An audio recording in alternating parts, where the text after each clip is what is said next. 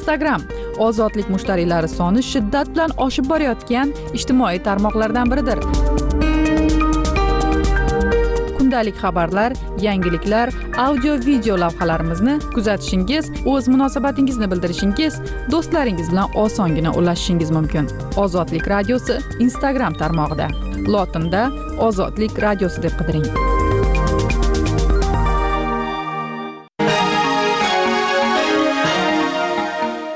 Ozodlik videolarini audio formatda tinglang.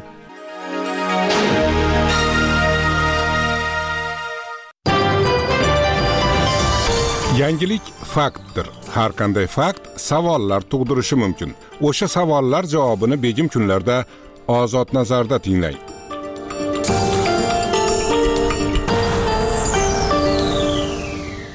Ozod nazar men sarvar usmon. Bugungi suhbatni nimadan boshlasam ekan deb o'ylab o'tirib parda atalmish podkastga ko'zim tushib qoldi. Podkastda o'tkazilgan suhbat mavzui bu. Jadidlar ateizm lgbt bugungi suhbatdoshim parda podkastida jadidlar ateizm va ayniqsa lgbt mavzuida o'z tengdoshlari bilan bemalol fikr almashib o'tirgan qiz o'rta maktabda ona tili va adabiyoti o'qituvchisi diyora abdujabborova hamda endilikda ozod nazarning doimiy mehmonlaridan biri ta'lim masalalari bo'yicha ekspert komil jalilov. Assalomu alaykum. Assalomu alaykum. Xush ko'rdik komil bugun sizlar bilan gaplashadigan mavzuni birozdan keyin aytaman.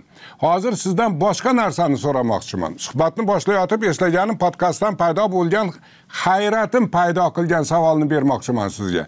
Diyora ishtirok etgan suhbatning boshini eshitdim. Suhbat mazmuniga kirar bo'lsam suhbatimiz faqat shu haqda bo'lishidan qo'rqaman. Shuning uchun sarlavhadan nariga o'tmay jadidlar ateizm lgbt bu o'zbekning uch tengdosh qizi omma ko'zida muhokama qilayotgan mavzu.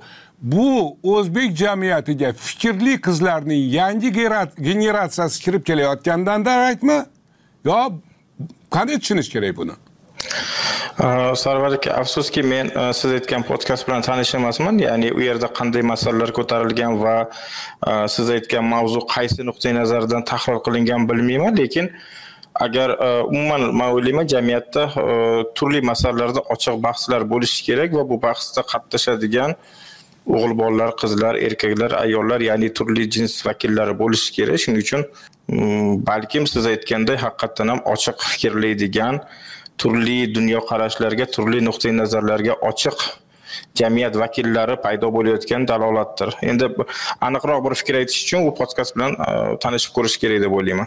Diyora e, sizga savol berishdan oldin parda podkastining ko'rganim sonidan bir parcha ko'ramiz. Bizda e, juda sevgini anavi oddiy maishiy bo'lib qolganda pul bo'lib qolgan pul akasi bilan gaplashdik oilada umuman sevgini roli qolmagan hozir. Faqat moddiy manfaatlar sevgi eng oxirgi plankaga tushib qolgan. Shuning uchun ham bizda mustahkam emas deb o'ylaymanda oila. Chunki mana man o'zim hozir boshimdan o'tyapman man hali ham o'zimga kelolmayapman uch oydan beri shu narsa. Man hayronman qizlar bir oyda to'y bo'lib ketdi deyishadi. Bir oyda shundoq keladi sovchi bo'ldi. To'y qanday bu tasavvurga sig'dirish qiyinda. U inson bilan san hali bir umr yashay olasanmi? Ertaga hayotda duch keladigan mashaqqatlarga birga dosh bera olasanmi? Har xil sharoit bor. Shundoq keladi puli bormi? Oilasi yaxshimi bo'ldi ketdi to'y yevropada bu narsa emas shuning uchun man yashab ko'rish bu o'zini oqlagan. Anaqa deb o'ylayman tajriba deb o'ylayman. Lekin bir narsa borda ichimdagi radikal qizcha aytadi. To'ldirishga diyora jadidlarku mayli ular to'g'risida bugungi kunda hamma gapiryapti faqat jadidchilik g'oyasi siykasi chiqib ketishidan qo'rqadi odam. Lekin sizlar uch tengdosh qiz qiz bemalol ateizm va hatto lgbt haqida to'ygacha yashab ko'rish haqida suhbat qilyapsizlar. Bu nima? Shunchaki yoshlarning fikriy izlanishlarimi yoki men kabi dinozavrlar avlodiga qarshi isyonmi? Eng birinchi bu mavzu bir yil avval ko'tarilganda bunaqa ochiq mavzular. Yoshlar nimani istashi haqida podkast qilgandik. Shundan e, bu qanaqadir averton oynasiga ham o'xshab ketadi. Shundan keyin bu mavzular ancha ko'p muhokama qilishni boshlandi. Albatta o'sha paytda bir isyon sifatida ko'tarilgan edi bu. Ya'ni bizda ham shunaqangi bir e, mavzular bor. Ya'ni shunaqa tabu mavzular bor. Aslida bizni istaklarimiz bu sizlar belgilab bergan qoliplar e, bular emas e, qabilida bir boshlagandi mavzu. Shundan keyin bu mavzular keyin muhokama bo'ldi twitter va boshqa ijtimoiy tarmoqlarda. Aslida e, hozir aytilgan qismi mendan oldingi sotsiolog opani fikrlari edi. Ya'ni o'shanda meni fikrimni so'rashdi. Shu sotsiolog opa shu tajriba haqida gapirib o'tdi siz bu haqida nima o'ylaysiz deganda men sotsiologni fikrlariga qo'shilganman ya'ni o'zini oqlagan tajriba g'arbdagi tajriba bu sifatli deb to'g'ri biz e, bu fikrlarimiz qandaydir? Targ'ibot yoki bo'lmasam o'zbek mentalitetiga uqtirish emas. Hozir e, komil aka aytib o'tganlaridek turlicha fikr turlicha dunyoqarash turlicha qarashdagi insonlar bor va jamiyat mana shunaqa xilma xillik e, bilan rivojlanishini men to'g'ri deb o'ylayman va bunday tabu mavzularni biz qanchalik yashirmaylik ular baribir oramizda bor kurtak ochaveradi. Menimcha ularga tik qarab e, bemalol bahs qilib uni kerak bo'lsa foydali zararlarini jamiyatimizga beradigan qandaydir bir ta'sirlarini yashirib e, ularni yo'qqa chiqargandan ko'ra bular haqida ochiq gapirishni men masalan meni yoshimdagilar e, bu narsalar haqida ko'proq gapirish to'g'ri deb o'ylayman. Chunki sizlarni dinozavrlar deb aytdingiz dinozavrlar baribir bu mavzular haqida kam gapiradi tilga olishga qo'rqadi. Shunday ekan yoshlarni menimcha bu mavzular haqida gapirishi dinozavrlar dinozavrlar vakili javobingizni qabul qildi. Parda podkastining diyora mehmoni bo'lgan sonida ko'tarilgan mavzularda suhbat o'tkazish istagim biroq bor biroq bugun sizlar bilan boshqa mavzuda suhbatlashmoqchiman. Maktablardagi vaziyat haqida gaplashmoqchiman. So'nggi kunlarda maktablar bilan bog'liq birin ketin bir necha voqea sodir bo'ldi. Navoiy shahridagi ikkinchi umumta'lim maktabda e, o'quvchi bolalarning sochi oldirildi. Poytaxtdagi bir yuz uchinchi maktabda o'quvchi bilan o'qituvchi bir biriga qo'l ko'targani aks etgan video tarqadi. Tarmoqda tarqagan qayerda olingani noma'lum yana bir videoda o'quvchilar partayu o'tirg'ichlarni tepib sindirayotgani aks etgan. Va nihoyat yana bir xabar. Toshkent viloyat hokimi zoir mirzayev bilan bog'liq xabar. Telefonsiz maktab degan tashabbusni qiladigan maktabga uch yuz million so'm pul beradi kelinglar so'nggi bayonotdan boshlaylik maktab mavzuyini. Komil zoir mirzayevning telefonsiz maktab tashabbusi to'g'risida eshitib suyundingizmi kuyundingizmi? Uch yuz million beraman deyapti. Uch yuz millionni qayerdan beradi? Agar shaxsiy cho'ntagidan beradigan bo'lsa buncha pulni qayerdan olganini xalqqa ochiqlasinda davlat xizmatchi sifatida marhamat beraversin. Lekin masalan e, men soliq to'lovchi sifatida buncha pulni keraksiz samarasiz shubhali tashabbuslarga sarflanishiga qarshiman. Bu masalani uch yuz million berishi masalani ikkinchi qavatidagi gap. E, e, telefon telefonsiz maktab tashabbusi zoir mirzayevni u shu tashabbusni o'ziga qanday qaraysiz? Qarang mening nazarimda bu tashabbus mana o'sha telefon tashabbus mana bugun ham adashmasam qaysidir xabar chiqdi bu masalada ya'ni Э, maktablar andijonda ha qaysidir ixtisoslashgan maktabda shunaqa tizim joriy qilinganmish e, maqsad telefonni bemaqsad ishlatishni taqiqlash maktab hududida. Э, qarang mening nazarimda bu tashabbusning asosiy sababi o'sha e, siz aytgandek boyagi ijtimoiy tarmoqlarga chiqib ketayotgan turli xil videolar turli xil salbiy holatlarni ijtimoiy tarmoqlarga chiqishini oldini olish. Men bu yerda faqat shu sababni ko'ryapman. Chunki bizda hozir mentalitet qanaqa shakllandi ya'ni dunyoqarash o'sha rahbarlarda qanaqa dunyoqarash shakllandi muammo ijtimoiy tarmoqlarga chiqmasligi kerak ijtimoiy tarmoqlarga chiqmagan muammoni yo'q deb hisoblasang ham bo'ladi ijtimoiy tarmoqlarga chiqdimi u demak o'sha rahbar uchun muammoga aylanadi shuning uchun demak demak siz o'quvchining maktabga telefon olib borishida hech narsa yomon narsa ko'rmaysiz va yo'q bu yerda yomon hokimni tashvishi ana o'sha telefonga yozilib qolib qoladigan narsalar ijtimoiy tarmoqqa chiqib ketishini oldini olish. Diyora siz avval farg'ona davlat universitetini keyin o'zbekiston milliy universitetini bitirib adashmasam uch yildan beri maktabda ishlayapsiz. Maktabni ich ichidan biladigan mutaxassis sifatida zoir mirzayevning tashabbusini quvvatlaysizmi ozgina tuzattirish beraman. Pedagogik faoliyatim rostdan ham uch yil lekin bu farg'onada toshkentda endi toshkent maktablariga endi keldim bugundan zoir mirzayevni tashabbusini pedagog sifatida men ham oqlamayman. Faqat soliq to'lovchi pedagog sifatida ham muammo bu yerda tub ildiz telefonda emas. Maktabga kelib shaxsan buni o'zim guvohi bo'ldim shundoq ham hamma maktablarda telefonlar dars paytidan oldin yig'ishtirib olinadi va ketishdan oldin beriladi. Va xavfsizlik nuqtai nazaridan bolada telefon bo'lishi kerakligini shaxsan men oqlayman. Bu yerda haqiqatdan komil aka aytganlaridek e, qandaydir muammolarni biz faqatgina sirtqi qavatini yopishni ko'zlamasligimiz kerak. Bu telefon maktabda bo'lmagani bilan u yerda ichidagi narsalar baribir maktabdan ketganidan so'ng e, bola bilan qoladigan narsalar. Shuning uchun ham shuning uchun ham e, bu tashabbusni men oqlamagan bo'lardim. Diyora o'quvchiga telefon kerak bo'ladimi dars paytida? Dars jarayonida telefonga o'quvchining ehtiyoji umuman bo'lmaydi. Faqatgina darsdan so'ng agar ota onasi olib kelishi kerak bo'lsa ana o'shanda. Chunki sinf darslarida ham umuman uyga vazifalarda ham hozirgi man programmalar bilan boshqa fanlar bilan chuqur tanishib chiqdim o'quvchi bemalol telefonsiz internet tarmoqlarisiz bemalol vazifalarni bajara oladigan darslar bilan o'qituvchilarni ham kategoriyasi malakaviy talablarini men juda yam qoniqarli men maktabga kelgunimcha o'ylagandim. O'qituvchilar hammasi bilimsiz shuning uchun bolalar telefonga yopishgan repetitorga yopishgan. Aslida unday emas. Bolalarimizda shunaqangi bir muammo ruhiy muammo boshqa muammolar va ularni najot usuli telefonga aylanib qolgan. Aslida bolalarni telefoni faqatgina xavfsizlik nuqtai nazaridan yonlarida bo'lishi kerak. Darsda oladigan bilimni o'qituvchi bemalol bera oladi. Uyga vazifalarda ham bolaga umuman telefon ishlatishga hojat yo'q deb o'ylayman. Siz ishlaydigan maktabda internet bormi? Wi fi bormi? Men ishlaydigan maktabda qavatlarda wi fi o'rnatilgan. Bu tomonlama bor deya olaman komil. Albatta o'quvchilarga dostуп yo'q lekin wi fi bor komil diyora poytaxtdagi maktabda ishlaydi. Balki siz viloyatlarga chiqib turarsiz maktablardagi vaziyatdan xabaringiz bormi internetga ulanganmi maktablar? Bilishimcha maktab e, maktablarda viloyatlardagi maktablarda internet yo'q. Misol uchun e, men samarqanddagi e, ayrim tanishlarim kursdoshlarim ishlaydigan maktablarni aytishim mumkin ularda internet yo'q. Internet yo'q.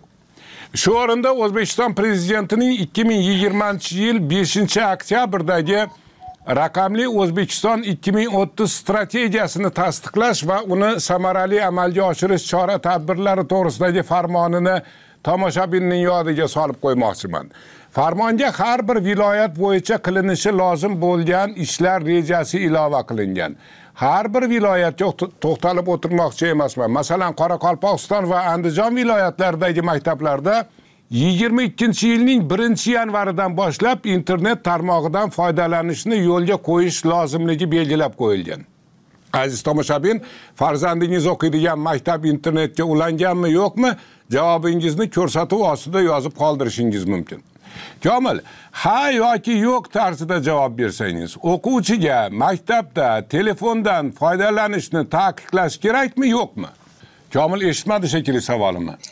Savolni eshitdim sarvar aka javobim yo'q taqiqlash kerak emas. Taqiqlash kerak emas. Diyora sizning ha yoki yo'g'ingiz? Ruxsat berish kerak deb o'ylayman.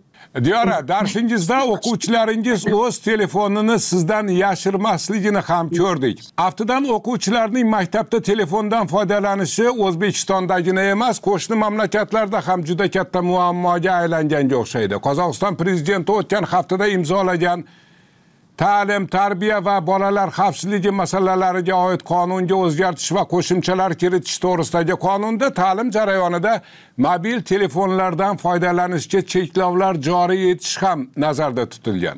Bu qazinform agentligi o'zbekcha xabarining oxiridagi gap.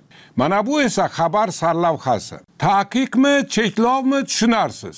Komil balki o'zbekistonda ham shunday qonun qabul qilinishi kerakdir. Bas mana qo'shnilar qabul qilyapti ekan lekin siz qarshisiz telefonni taqiqlanishiga qarang e, sarvar aka bitta narsa. Xohlaymizmi yo'qmi? O'sha bola e, maktab bolani hayotga e, tayyorlaydi va bola maktab hayot qadam qo'yganda u mobil telefondan ishlatadi. Demak u maktab davrida shuni to'g'ri ishlatishni undan to'g'ri foydalanishni o'rganmasa qachon o'rganadi? Bu bir.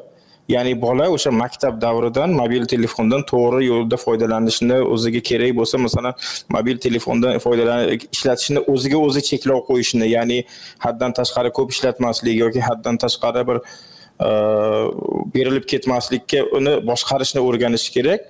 Va ikkinchidan ta'lim jarayonida mobil telefonni imkoniyatlaridan ancha keng foydalanish mumkin. Misol uchun mana piza tadqiqotlarida e, shunaqa narsa borki o'sha e, mobil gadjetlardan mobil e, umuman texnikadan e, maktabda bir soatgacha ta'lim maqsadida foydalanadigan o'quvchilar pizada yuqoriroq natija qayd etgan. Ya'ni agar o'rinli ishlatilsa uni ta'limga ijobiy ta'siri bor. Shuning uchun maktabda telefonlarni cheklash bu manimcha noto'g'ri qadam deb o'ylayman. Demak burgaga achchiq qilib ko'rpaga o'q qo'ymaslik kerak degan gapni aytyapsizda. O'zbekistonni boshqa qo'shnisi qirg'izistonda aftidan qozog'istondagiday taqiq yoki cheklov yo'q. Suhbatga tayyorlanayotib qirg'izistonlik bir o'qituvchining ota onalariga kechagi yo'llagan kecha yo'llagan bir video murojaatiga ko'zim tushib qoldi. Salom жалпыға men bu video кайрылуу менен ата энелерге кайрылгым келип турат бул телефондор жана барсеткалар бул балдардын окуучулардын мектеп окуучуларынын telefondori jana barsetkалары qirg'izistonlik o'qituvchi o'quvchilar maktabga kitob sig'maydigan qopchiqlar bilan telefon bilan kelayotganidan zorlanib ota onalarga murojaat qilgan. Balki shu yo'l to'g'ridir. Hadeb bolalar bilan urushavermasdan ota onalar bilan ishlash kerakdir. Diyora yo buning iloji yo'qmi? Men bu haqda e, juda ko'p o'zim postlarimda ham aytyapman. Albatta tarbiyaga ta'limga e, ota onani jalb qilish kerak. Ota ona bilan doimiy hamkorlikni olib borish kerak. Chunki bolalar baribir e, hozir kichikna o'tish yoshida va ularga eng yaxshi ta'sir ko'rsatadiganlar ming afsuski ustozlardan ko'ra baribir ota onasi ayniqsa telefon borasida chunki bu ularning shaxsiy buyumi va shaxsiy narsasini ko'pincha olib qo'yish noxush holatlar bilan agressiya bilan tugaydigan holatlarni ham ko'rib turdik bu borada ota onani jalb qilish kerak mana bugun mana masalan o'zimni tajribamda ota onalarni darsga kelishlari ko'rishlari sharoitni o'z ko'zlari bilan ko'rishlari ancha ta'sir ko'rsatyapti ancha ahamiyatga ega aynan telefonlarga qarshi kurashda o'zi aslida bu narsa noto'g'ri chunki dunyo raqamlashyapti elektronlashyapti va biz telefonlarga qarshi kurashishimiz bolalarni undan tortib olishga harakat qilishimizni aslida noto'g'ri yechim noto'g'ri yo'l va bu borada e, optimal bir e, yechimga kelish uchun ota onalarni rollari kerak deb o'ylayman. Ota ona hamkorligi maktabda ustozlarni faoliyatida nihoyatda muhim. Yana telefonni to'g'ri yo'naltira olish ham komil yana zoir mirzayevga qaytgim kelyaptida. Qarangda e, xalq ta'limi e, bo'limi bor ha eskicha nom bilan aytadigan bo'lsakda endi. Ha viloyatda xalq ta'limi boshqarmasi bor. Mamlakatda e, maktab maktabgacha va maktab ta'limi vazirligi bor. Mana shunday sharoitda e, yaqindagina e, zoir mirzayev vrachlarga qanday retsept yozishni uqtirgan edi. Endi maktabga kelib telefon tutish masalasiga aralashyapti qanchalik e, hokim qiladigan ish shu? O'zi bitta narsaki qarang bizda o'sha hokimlarni qandaydir kompetensiyalarni chegarasi aniq belgilanadigan hujjat bormi degan bir masalani ko'taryapsizda ya'ni e, hokim bu vrachlarga qanday retsept yozishi yoki o'qituvchilarga qanday dars o'tishni yoki deylik fermerlarga nimani ekib nimani ekmaslikni buyruq beradigan shaxs emasda lekin uning e, vakolat chegarasini aniq belgilaydigan hujjat mana buni qilishi mumkin mana buni qilishi mumkin emas degan hujjat bormi yo'qmi bilmayman. Misol uchun konstitutsiyada Э, hokimlarni vakolatlari judayam bir э, mavhum tarzda yozilgan shuning uchun bu narsa bularni vakolatiga kiradi yoki kirmaydi deb aytish aytish judayam qiyin o'sha konstitutsiyada belgilangan normalardan formulirovkalardan kelib chiqsa. Lekin mani shaxsiy fikrim misol uchun hokimlar bu ta'limga aralashadigan odamlar emas va u hokimlar ta'limga aralashishi kerak emas. Mana bir necha yil oldin hammamiz guvohi bo'lganmiz hokimliklarni ta'limga aralashishi qanaqa noxush oqibatlarga olib kelishini o'sha narsalarni qaytarish kerak emas deb o'ylayman va umuman olganda qarang e, bitta narsada oxirgi paytda ta'limga hamma aralashyapti. Faqat zoir mirzayev emas mana milliy gvardiya mana davomatga aralashyapti misol uchun. E, mana yangi yangi tashkilotlar tuzilyapti ya'ni ta'limga aralashadigan tashkilotlar ta'limga aralashadigan vakolatli bir e, shaxslar juda yam ko'payib ketyapti va buni oqibati bir xayrli bo'lmaydi deb degan bir qo'rquv bor manda. Diyora shunday aralashuvlarni bir oddiy bir o'qituvchi sifatida sezasizmi siz? Albatta seziladi bu narsa chunki men ta'limga kelganimda milliy gvardiya faoliyati hali jalb etilmagan edi. Aynan ba'zi bir tashkiliy masalalarda deylik bu davomat yoki boshqa masalalarda milliy gvardiyani aralashishini boshida xohlagan edim. Chunki bu faoliyatimda e, ko'zga tashlandi ya'ni davomat ancha oshdi. Lekin boshqa bir hududlardagi ularni vakolat doirasida bo'lmagan ishlarni xatti harakatlarini ko'rgandan keyin menda ham tabiiyki e, salbiy munosabat uyg'ondi. Men e, shu fikrlarni qo'llab quvvatlardimki ta'limga faqatgina e, ta'lim sohasidagi mutaxassislar jalb qilinsin boshqa sohalarni aralashishlari qandaydir rag'batlantirish yo'li bilan ham hatto zoir mirzayevni yo'li aslida olib qarasa rag'bat rag'batlantirish yo'li bilan ham unga zarar yetkazish mumkin. Sohani shu soha ta'lim fidoyilariga mutaxassislarga qoldirish kerak. Va agar qaysidir strukturani jalb qiladigan bo'lsak ularni vakolat doirasi qat'iy belgilanishi kerak va bu vakolatdan tashqariga chiqishlariga boshqa xatti harakatlarga yo'l qo'yilmasligi kerak. Kelinglar endi navoiy shahridagi ikkinchi umumta'lim maktabda o'quvchi bolalarning sochi oldirilgani voqeasiga o'taylik. Bu voqea yuzasidan bahs qizigandan qizidi tarmoqlarda. Hamma gapirib bo'ldi bitta ozod nazar gapirmadi. Mana bugun navbat kelgan ekan gapira boshladik. Bahslashuvchi tomonlarning biri go'shti sizniki suyagi bizniki deyuvchilar ana o'sha eskicha. Ikkinchi tomon o'qituvchining haqqi yo'q edi soch olishga deguvchilar komil siz qaysi tomondasiz? Qarang o'quvchini tashqi ko'rinishi bu uni shaxsiy huquqi va bu shaxsiy huquqqa hech kimni daxl qilishga haqqi yo'q. Kerak bo'lsa ota onasini ham. O'zi bilmadim eskidan borda mana shu an'ana. Men men o'qiyotgan paytda maktabda o'qiyotgan paytimda ham bolalar ko'p e, sochni uzun o'stiradigan mm, e, bir urf bo'lgan edida. Keyin institutga bordik. Meni shaxsan meni sochim o kuragimgacha tushadigan edi. O'shanda ham maktabda o'sha umumiy yig'ilishlarda maktab direktori chiqarib olib Э, uyaltirardi izza qilardi bilmadim butun umr e, millat shu soch bilan urushib kelayotganday soch bilan sochga qarshi kurashib kelayotganday. Diyora siz maktabda ishlayotgan o'qituvchisiz mana. O'quvchilaringizning kiyimi sochining uzun qisqaligi boshida ro'mol bor yo'qligi siz uchun qanchalik muhim?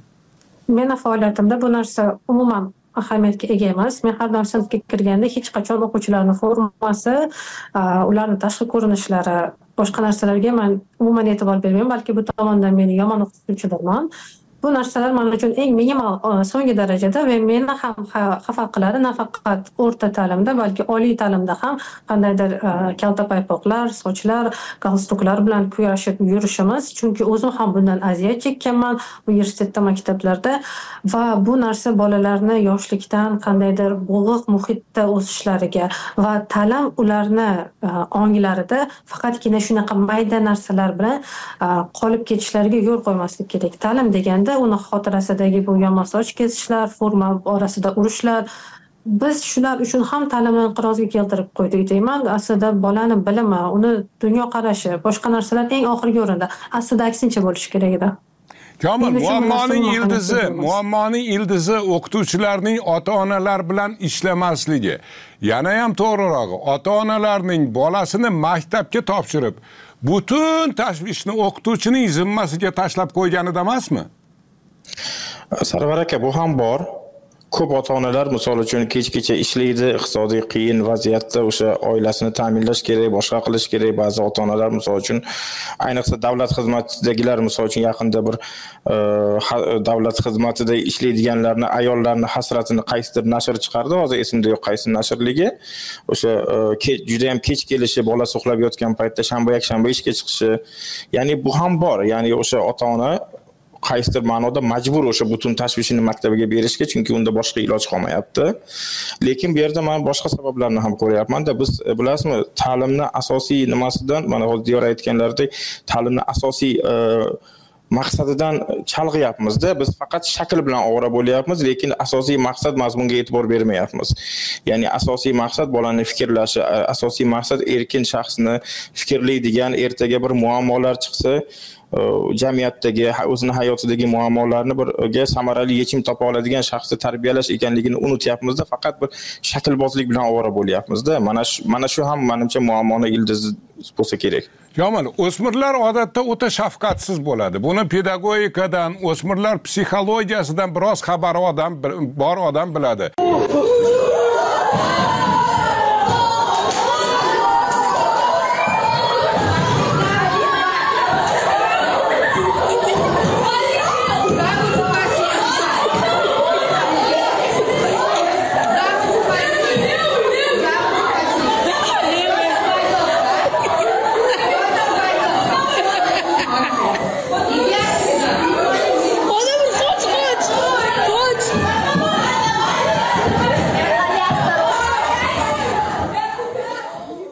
hech kim bu o'rinda o'qituvchini oqlashga shoshilmaydi. Siz qanday saqlagan bo'lardingiz vaziyatni? Qarang sarvar aka bitta narsa. Bizni ta'lim tizimi o'sha eski sovet davrida qolgan an'anadan qolib ketgan haligacha davom etyapti o'sha an'analar. Biz faqat maktabda quruq faktlarni beryapmiz bilim yodlatyapmizda. Ya'ni darslikdagi darslikda berilgan bir qanaqadir faktlarni yodlatish bilan oboramiz lekin mana qarangda bitta narsaki e, ingliz tilida social emotional learning deydi ya'ni e, ijtimoiy va emotsional o'rganish ijtimoiy va emotsional e, deylik e, ko'nikmalar. Biz maktabda shularni o'rgatmayapmizku.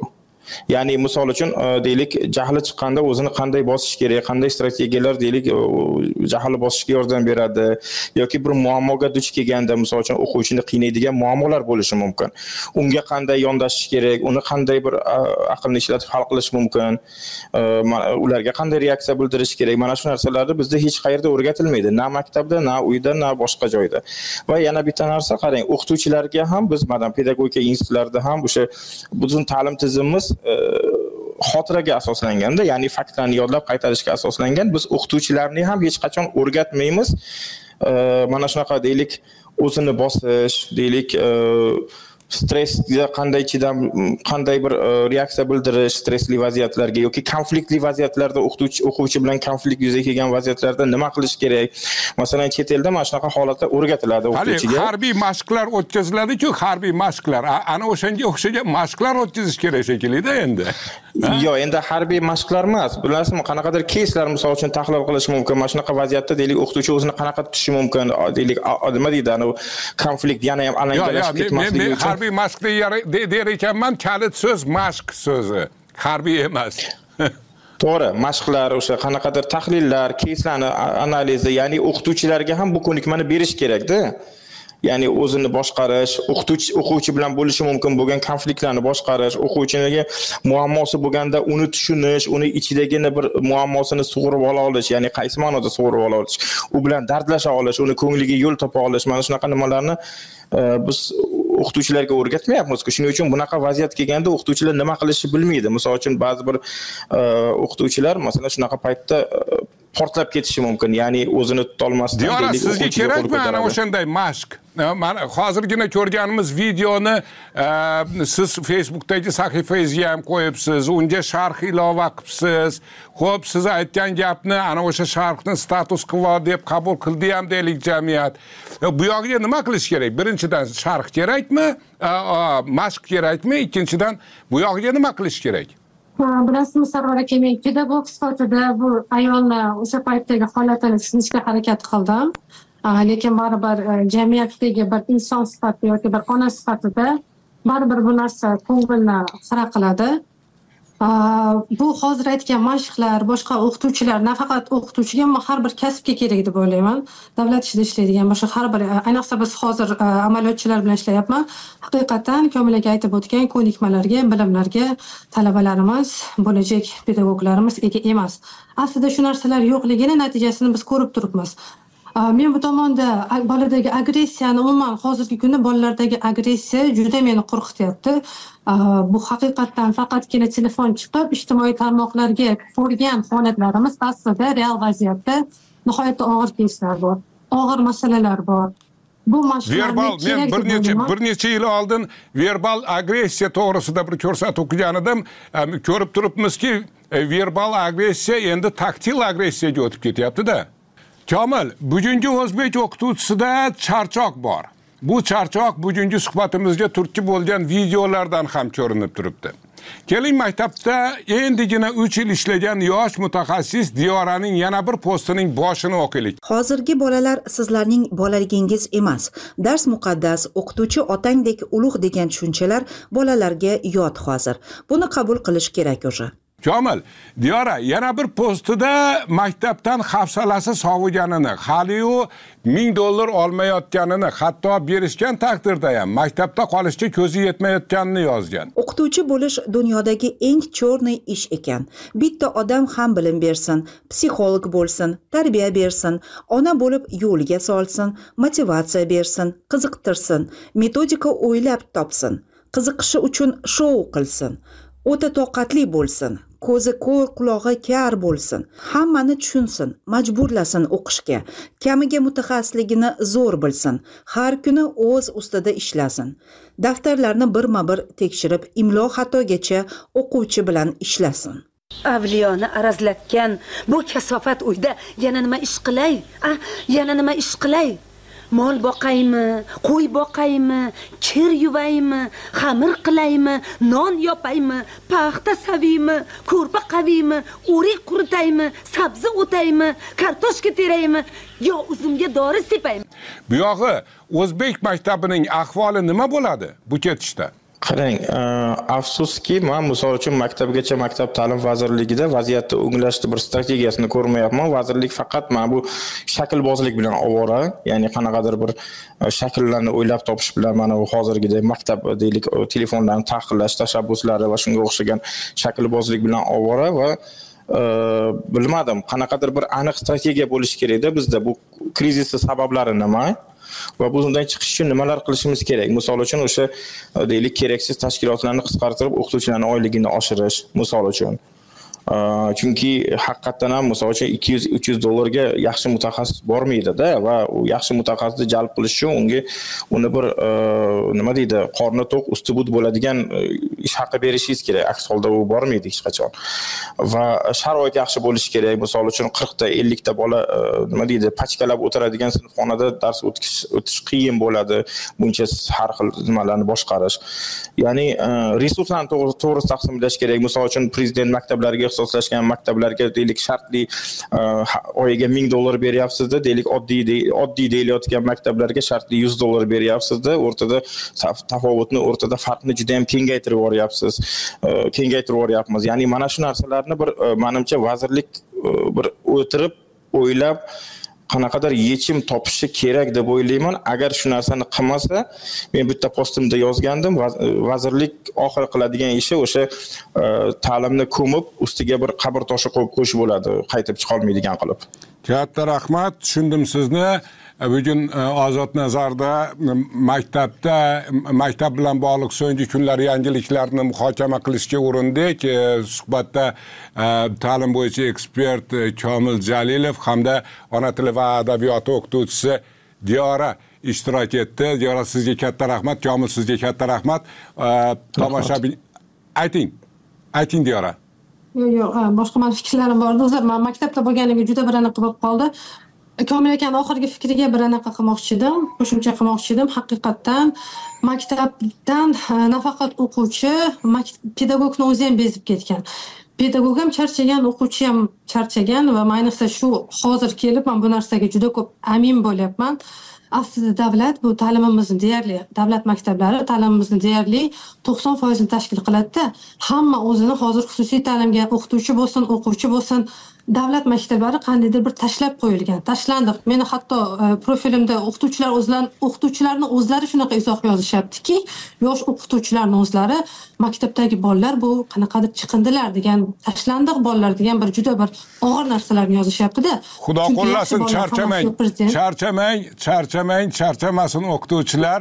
E, sizlarga katta rahmat. Meni e, tomoshabinga aytadigan bir og'iz gapim qoldi bugungi suhbatdoshim diyora boya o'qiganimiz postlaridan birida ustozlar to'g'risidagi qadimiy maqolni o'qituvchi otangdek ulug' shaklida ishlatibdi o'qituvchi otangdek emas otangdan ulug' maqolning asl ko'rinishi originali shunday ustoz otangdan ulug' jamiyat bu ta'kidni yo qabul qiladi va o'qituvchini chindan hurmat qilishni boshlaydi yoki bu maqol jamiyat ikkiyuzlamachiligining yana bir isboti sifatida qoladi. Ko'rishguncha. O'zbekistondagi asl voqelikka oid so'nggi xabarlar. Eksklyuziv yangiliklarni senzurasiz hech qanday to'siqlarsiz. O'qisak ko'rsak tinglasa bo'ladigan mobil ilovangiz bormi? Ozodlikda shunday ilova bor. App store va google playda. Ozodlik radiosi deb qidiring va hoziroq yuklab oling. Например, узбеков никогда не существовало до революции. Не было такого названия этнического. Взяли, создали из нескольких среднеазиатских народов узбеков. А, вот эти вот территории, откуда едут к нам гастарбайтеры, чтобы их присоединить просто целиком и уже на месте их, э, ну, как бы обучать русскому языку. Чтобы не здесь их учить, а там уже, собственно, там, э, э, в Узбекистане. Так как 2 миллиона ваших граждан находятся на нашей территории, мы, собственно, претендуем на вашу территорию, потому что большинство ваших здесь. Bu Rossiya federal telekanallarining bugungi ahvoli. Vladimir putinning bosqinchilik siyosatining asosiy targ'ibotchisi va tashviqotchisiga aylangan rossiya televideniyasi o'zbeklar millat sifatida 1917 yilgacha mavjud bo'lmaganini isbotlashga urinmoqda va o'zbekistonni bosib olish va ichkarida turib migrantlarni tarbiyalash taklifini ilgari surmoqda. Rossiyaliklar uchun imperiyachilik shovinistik va millatchilik ruhida qilinayotgan bu kabi bayonotlar chiqishlar odatiy holga aylangan bo'lsa-da jahon hamjamiyatini ular hayratga solmoqda. Xususan hatto rus televideniyasi ko'rib borayotgan va tarbiyasini olayotgan o'zbekistonliklarni endi bunaqa siyosatchi bunaqa mm, shovinistlarga aytadigan gapimiz aniq. O'zini tilida o'tgan safargidek пошел на o'sha uchta harf o'sha boradigan joyiga borsin bu. Rus propagandachilar bayonotlariga birinchi marotaba rasmiy toshkentdan nisbatan keskinroq javob qaytarildi. O'zbekiston siyosiy rahbariyati tomonidan rossiya telekanallarini yopish yoki cheklash takliflari yangray boshladi mamlakatda rus tili maktablari sonini ham qisqartirish taklif etildi. Rossiyaning televizor orqali propagandasi o'zbek jamiyatiga qanchalik ta'sirga ega? Nima sababdan rus telekanallari o'zbeklar uchun asosiy axborot manbasi bo'lib qolmoqda? Bugungi dasturimizda biz ana shu savollarga javob izlab ko'ramiz. Prezident shavkat mirziyoyev 12 yanvar kuni xavfsizlik kengashining kengaytirilgan yig'ilishida o'zbekiston axborot makonida milliy kontent yaratishdagi tashabbusni saqlab qolishi kerakligi haqida gapirdi. Agar biz o'zbekiston axborot makonida milliy kontent yaratishni o'z qo'limizga olmas ekanmiz dunyodagi voqealarga milliy manfaatlarimiz nuqtai nazaridan baho bermas ekanmiz bu ishlar xorijdan turib amalga oshirilishiga imkon yaratib beramiz. Chunki odamlardagi yangilik tahliliy ma'lumotlar real voqealarga ehtiyojni biz to'ldirmas ekanmiz. Buni boshqalar qiladi. Bunga mutlaqo yo'l qo'yib bo'lmaydi. Prezidentning bu bayonoti xususan ijtimoiy tarmoqlarda rossiya propagandachilarining faollashgani rus elchisi malginovning suhbatga taklif qilinishi va o'zbeklarga rossiyadan otilgan yana boshqa toshlardan keyin yangragani bejiz bo'lmasa kerak. Kanadada yashovchi jurnalist va yozuvchi baxtiyor shohnazarov fikricha milliy kontent yaratish uchun muayyan sharoitlar mavjud bo'lishi zarur. Ayniqsa mana shu o'zbekistonga qarshi ko'rsatilgan milliy e, e yaxlitligimizga erkinligimizga tahdid qilgan fikrlarni ko'rsatgan kanallarni o'sha bahona bilan taq taq taq uzib qo'ysa bo'laveradi. Reklama beruvchilar ham keyin o'zimizni kanallarga o'tadi shunda o'zimizni hmm. kanallariga ko'proq pul tushib balki kontentlarni sifatini oshirishadi masalan eng prime timelarda mana shu kanada telekanallari ham amerikani ko'rsatuvlarni olib ko'rsatadi. Shuning uchun bizda ham kanadada ham e, milliy kontent e, o'zimizda alohida har xil e, mashhur shoularni kanada versiyasini tayyorlashga katta ahamiyat beriladi. Lekin baribir bu narsa oson ish emas. Endi prezident chiqib milliy kontent yaratinglar desanglar o'zingizga yaratib bo'lmaydi uning uchun hmm. baza bo'lishi kerak. Uning uchun senzura bo'lmasligi kerak. Erkin ijodga yo'l qo'yilishi kerak. Buni davlat yo'lga qo'yishi kerak emas bu xususiy kanallarni o'zlari qilishi kerak. Uning uchun xususiy kanallarga to'sib qo'yaverish kerak emas. Sen e mana bu narsamizga to'g'ri kelmaydigan narsa ko'rsatib qo'yibsan yoki bunday siyosatimizga to'g'ri kelmaydigan narsa ko'rsatib qo'yibsan deb qadrlar. Senzura qilaversa ikki dunyoda ham rivojlanmaydi. Shavkat mirziyoyevning bu gaplariga e'tibor qaratgan tahlilchi yuliy yusupov o'zbekistonliklarning yangilik tahliliy ma'lumotlarga ehtiyojini qondirayotgan rossiya axborot vositalari o'zbeklar miyasiga mutlaq yolg'on nafrat adovatni joylamoqda. To'g'ridan to'g'ri ksenofobiya va natsistlar g'oyasini ilgari surib kelmoqda dedi.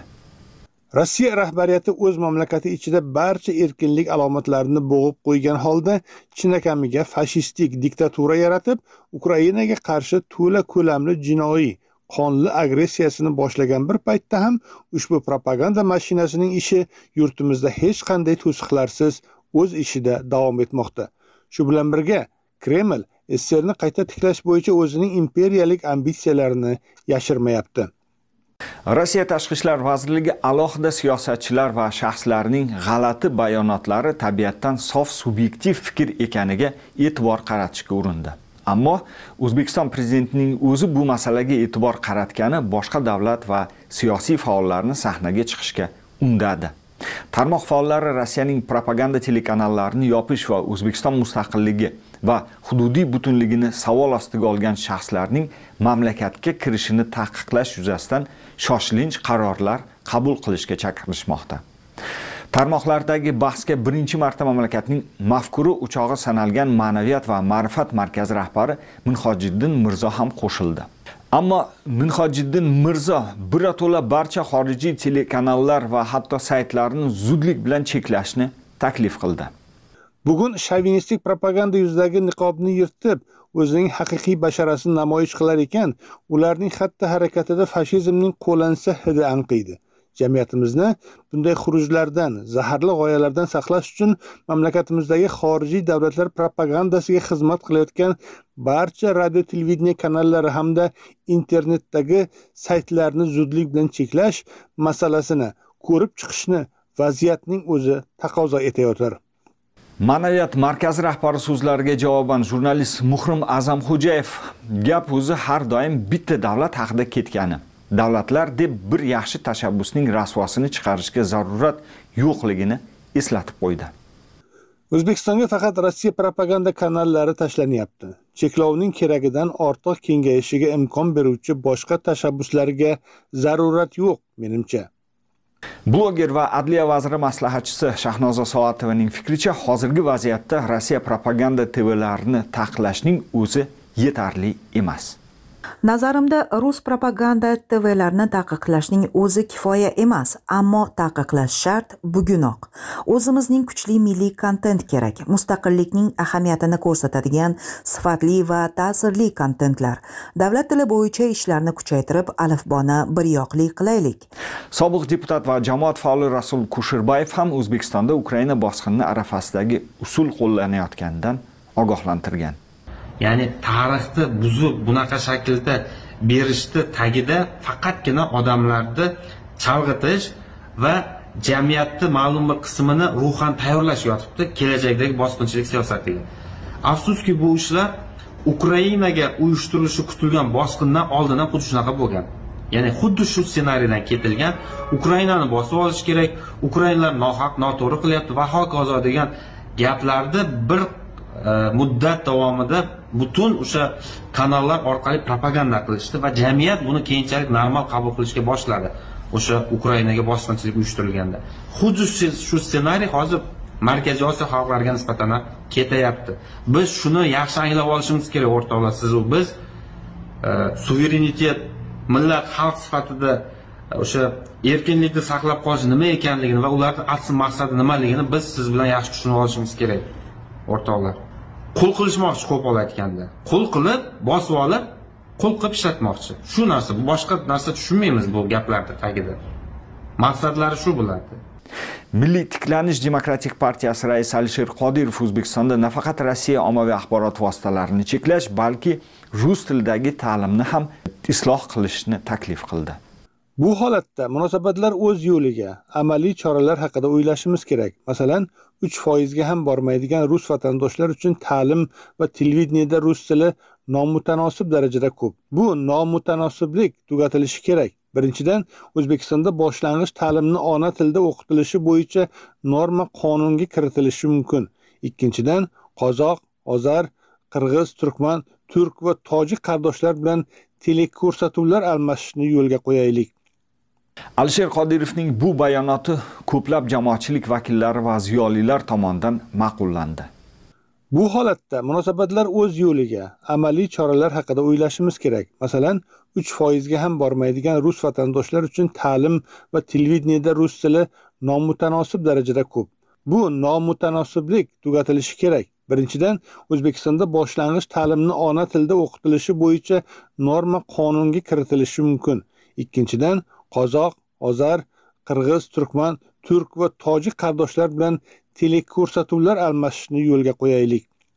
Bundan bir yil oldin ozodlik o'tkazgan so'rovga javoban bergan o'zbekistonliklarning aksari ukraina urushida rossiyani qo'llab quvvatlayotgani ruslar ukrainada banderachi fashistlar bilan urushayotganiga chin dildan ishonishiga guvoh bo'lgandi. Men ko'pincha manimcha ukraina aybdor chunki tinch xalqini o'zini xalqini o'zi shunaqaga boshlayapti ukraina? Albatta. Chunki u anavi aslidan rossiyani yeri hisoblanganda ukraina bo'lsa kerak. Bilmayman endi rossiya har qalay oldindan o'zimiz ham ssr davlat bo'lganimiz uchun baribir rossiyaga anaqa qilamizda putinning mustaqil ukrainaga qilgan harbiy tajovuzi ikki yilligi arafasida biz rossiya televideniyasida taqiqlanishi kerakmi yo'qmi savolini oddiy o'zbekistonliklarga berib ko'rdik. Mani fikrim rossiya to'g'risida o'zi rus tilini ozmuncha bilaman yoqtirmayman uncha. Shunaqa ularni fikrini eshitgandan keyin shunaqa bo'ldi. Manimcha to'g'ri bu. Rossiya kanallarini запрет qo'yish chunki mm, ko'pchilik o'shandan o'rganadida ba'zi narsalarni e, ayniqsa sovetskiy odamlar borku bizada. Sovetskiy. Rus davrida masalan non arzon bo'lardi oylik yaxshi bo'ladi shunga o'xshagan narsalarni yo'qotish uchun. Keyin yana bitta fikr e, istalgan bitta e, rasmiy chiqadigan nima deydi? Qaror bo'ladimi yoki boshqa bo'ladimi ularni o'zbekcha qilish kerak. Ko'proq rus tilida chiqadiku o'shalarni yo'qotish kerak deb o'ylayman birinchi. Man siyosatga aralashmayman. Uzr boshqa odamdan olasiz rahmat. Nntiv to'xtatib qo'yganni foydasi ham bo'lmaydi. Chunki uni ko'rmoqchi bo'lgan odam internetdan bemalol topib ko'raveradi. Nima deydi? Zvezda degan kanali bo'ladida ularda o'sha propaganda kanallari bo'ladi. Чтобы ukrainada ham xuddi shunaqa vaziyat bo'lgan ya'ni odamlarni tayyorlash bo'lyapti. Ya'ni bizda ham qanaqadir tadbirlar tadbir emasu telekanallarni ko'paytirish kerak. Чтобы odamlar o'sha narsani propagandaligini bilishi kerak deb o'ylayman menimcha chunki uni yopib qo'ygan bilan odam ko'raman deydigan bo'lsa boshqachadan ham bemalol ko'ra oladi. O'zbek siyosatchilari bor o'sha otabek bakirov bor iqtisodchilar yoki boshqalar bor. O'shalar e, xolisroq fikr beradi menimcha. O'shalarnikini ko'rgan yaxshiroq chunki televizorda yaxshi yoritib berisholmayapti bu narsani shu sababli manimcha to'xtatilmasa kerak chunki bog'liq joyimiz o'shuncha migrantlar ishlayapti borib kelib qarshiman to'xtatishiga rossiya kanallarini taqiqlash kerak emas. Umuman o'zi taqiqlash bilan hech narsa yaxshi tomonga tez o'zgarmaydi. Ko'proq o'zimiz ommaviy axborot vositalariga erkinroq berish kerak Э, rossiyani aksiyasida o'zi siqilib э, chiqariladi. Chunki э, rossiyada ko'p narsa asosan propaganda ko'p kuchli emas rossiya kanallari. O'zimizdagilar masalan hozir ko'proq yoshi kattaroq e, atrofimda ko'raman yoshi kattaroqlar. Shunaqa rossiya kanallarini ko'radi ular ham foizi o'ta kam. Hozir masalan o'zim tengi o'zim qatorlar umuman e, masalan rossiya kanali ko'rmaydi. Ko'proq ingliz tilini biladiganlari ingliz tilidan oladi и o'zbek hozir kontentda ham yaxshilanib boryapti. Masalan youtubeda chiqib turadi yaxshi yaxshi. O'zimiz siyosatchilar yaxshi e, rasul ko'saboyev masalan asher qodirov kamoliddin radimov chiqib turadi. Ko'proq shulardan eshitamiz.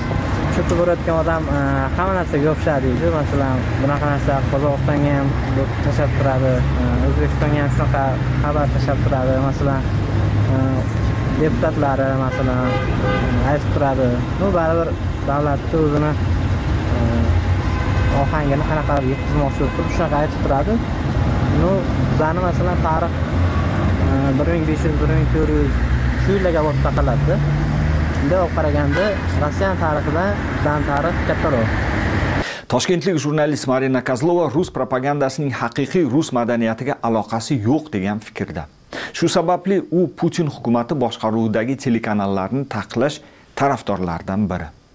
Я уже давно говорила тогда если речь про российские каналы я с ним абсолютно согласна. Rossiya kanallarining kamida bir qismini o'chirish taklifini men hatto rossiyaning ukrainaga tajovuzi boshlanishidan oldin ko'targanman chunki butun rossiya televideniyasi bir kishiga vladimir putinga ishlayapti va uning manfaatlarini himoya qiladi o'zbek kabel televideniyasi dasturiga e'tibor bersangiz rus kanallari soni o'tsa o'tadi lekin o'zbeklarnikidan kam emas men ularning bir qismini kabelsiz antenna bilan ko'rardim mening barcha tanishlarim rus kanallarini kabel orqali ko'rishadi bu kanallar odamlar ongini juda yaxshi yuvyapti bunga guvohman rossiya kanallarini kamaytirish senzura emas zarurat ekanini ta'kidlamoqchiman prezident va alisher qodirov bilan bu masalada mening fikrim bir.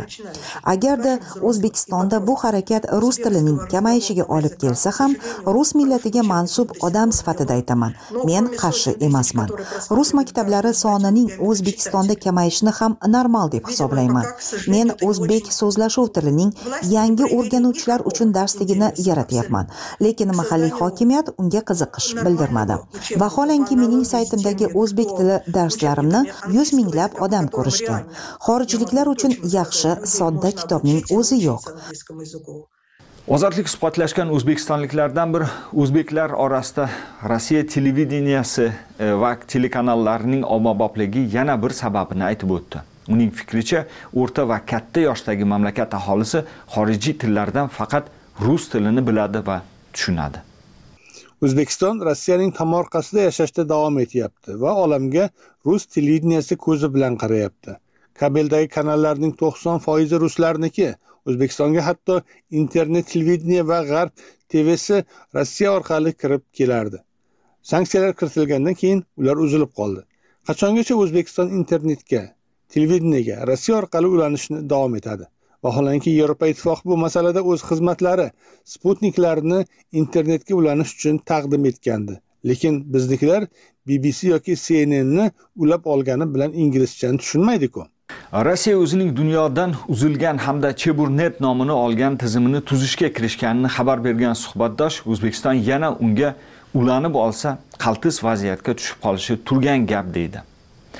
ikki ming yigirma ikkinchi yilning oxirlaridan o'zbekistonning E, iptv operatorlari turli tillardagi bir qator xorijiy telekanallarni o'z paketlariga kiritishgandi. Darhaqiqat bungacha mahalliy kanallardan tashqari o'zbekistonliklar asosan rossiya kanallarini tomosha qilishardi. Mana shu televideniya mustahkam o'rnini olgan bo'lsa o'zbekiston aholisini deyarli menimcha sakson foizdan ko'pi faqat o'ris kanallarini ko'rgan bo'lsa ana shu men e, bundan bir necha yillar avvalgigacha bo'lgan misollarni aytyapman. Hozir ahvol biroz o'zgargan bo'lishi mumkin buni bilmayman.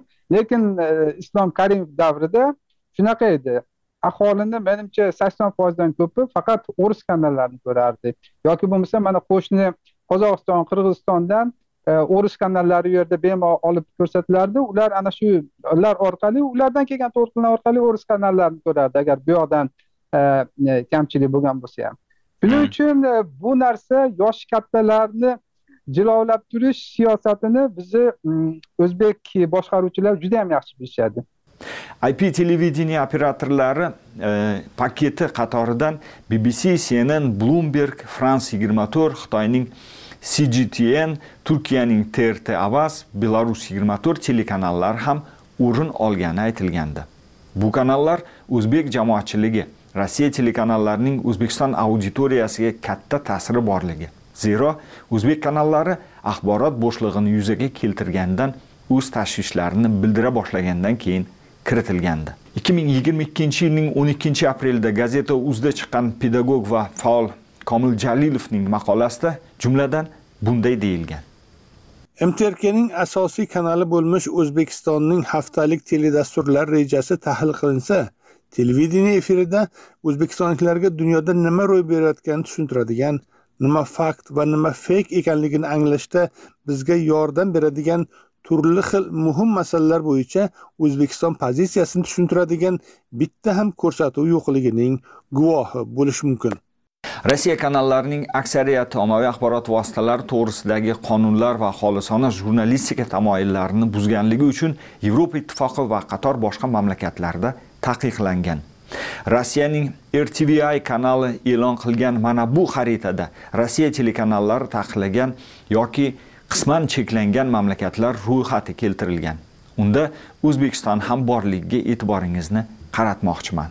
Под пропаганду России напрямую или через каких-то знакомых попадают не только русскоязычные rus propagandasi ta'siriga nafaqat rus tilida so'zlashuvchi balki oddiy o'zbeklar tushayotganini aytib o'tmoqchiman. Ammo ilgari ular ochiqcha putinni qo'llab quvvatlashgan bo'lsa oxirgi bir ikki yil ichida bunday gap so'zlar kamayib qoldi. Ular o'z qarashlariga shubha bildira boshladi. Hukumat bu masalada chala choralarni qo'llamasligi kerak. Masalan rus shovinizmini tanqid qilib kelayotgan o'sha alisher qodirov haligacha rossiyaning ukrainaga bosqinini qoralagan yo'qlagani yo'q. Paritet saqlashni yoqlayotgan o'zbekiston hukumati unda ukrain kanallarini ham kiritsin. Odamlar o'zlari nima yolg'on nima haqiqat ekanini anglab olishsin. Agarda ukraina tvsi bo'lmasa unda rus kanallarini ham olib tashlang. Ukraina voqealari o'zbek internet segmentida yaxshi yoritilayotgan bo'lsada o'zbek televideniyasida bu haqda lom mim deyilmayotgani ham axborot izlayotgan rossiya kanallariga bo'lgan qiziqishni orttirmoqda. o'zbekiston hukumati rossiyaning ukrainaga tajovuzi boshlangan 2022 yil boshida o'zbek faollarining ayni mazmundagi takliflari hamda ukrainaning o'zbekistondagi favqulodda va muxtor elchisi mikola doroshenko rossiya telekanallari translyatsiyasini to'xtatishni so'rab nota yuborgani o'zbekiston tashqi ishlar vazirligi tomonidan javobsiz qoldirilgan edi. Rossiya telekanallarida esa ukraina urushi o'zbekistonda noto'g'ri talqin etilayotgani tanqid qilingan reportajlar ko'paydi. O'zbekistonni ta'sir doirasida saqlab qolishga intilayotgan kreml propagandasidan qo'rqish vaqti o'tdi deydi jurnalist baxtiyor shohnazarov. U nihoyat o'zbek tili o'zbekistonda haqiqiy davlat tili mavqeiga ko'tarilishi imkoniyati paydo bo'lganini gapirdi. Rus tilini e, kamaytirish haqida emas balki o'zbek tilini mavqeini ko'tarish haqida e, qayg'urish kerak birinchi o'rinda. Chunki o'ris tilini e, qandaydir kamaytirish ozaytirishimiz kerak shunga qarab e, yo'nalik harakat qilishimiz kerak deydigan bo'lsangiz baribir birinchidan tepadagilar qo'rqadi. U kreml bir narsa deb po'pisa qilib qo'yarmikin deb. Ikkinchidan million million u yoqda rusiyada tirikchilik qilib yurgan odamlar e bizni nonimizga pul tekkizmang deb ular qarshi chiqadi. Undan keyin miyasi allaqachon yuvilib bo'lgan o'zbekistonda yashayotgan ko'pchilik aholini o'zi qarshi chiqadi. Bu afsuski ijtimoiy e, yuzaga kelgan vaziyat bu. Buni o'zizcha bitta o'chirgichni olib shundoq qilib o'chirib tashlay olmaysiz. Mumkin emas bu. Bu uzoq mana shu o'tgan o'ttiz yil e, mobaynida shakllangan bir holat bu. Buni yana aytaman. Ko'zga ko'ringan xalq tanigan odamlar o'rischa gapirib tursa televideniyada kanallarni o'rischaga aylantirib qo'ysa o'rischaga aylantirilgan kanallar bo'ldi. Tomchilab tomchilab o'ttiz yilni ichida ana shu o'rislar bizni chelagimizni to'ldirishdi o'zlarini. Sarqitlari bilan. O'zlarini hamma narsasini o'zlarini g'oyalarini ideologiyasini olib kirib bo'ldi.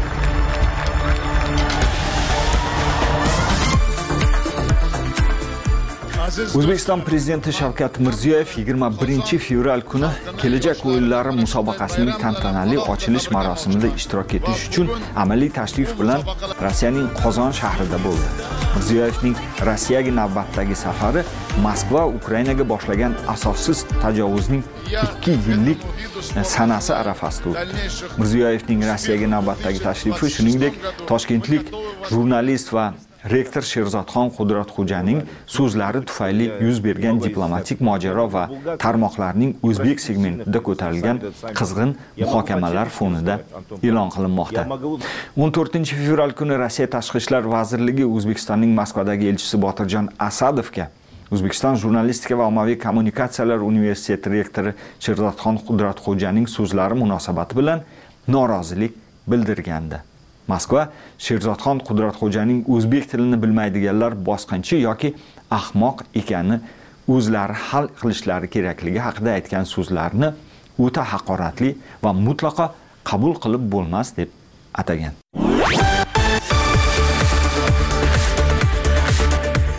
Ozodlik to'lqinlaridasiz. Yangiliklarni biz bilan birga kuzatishda davom eting. Xayrli kun.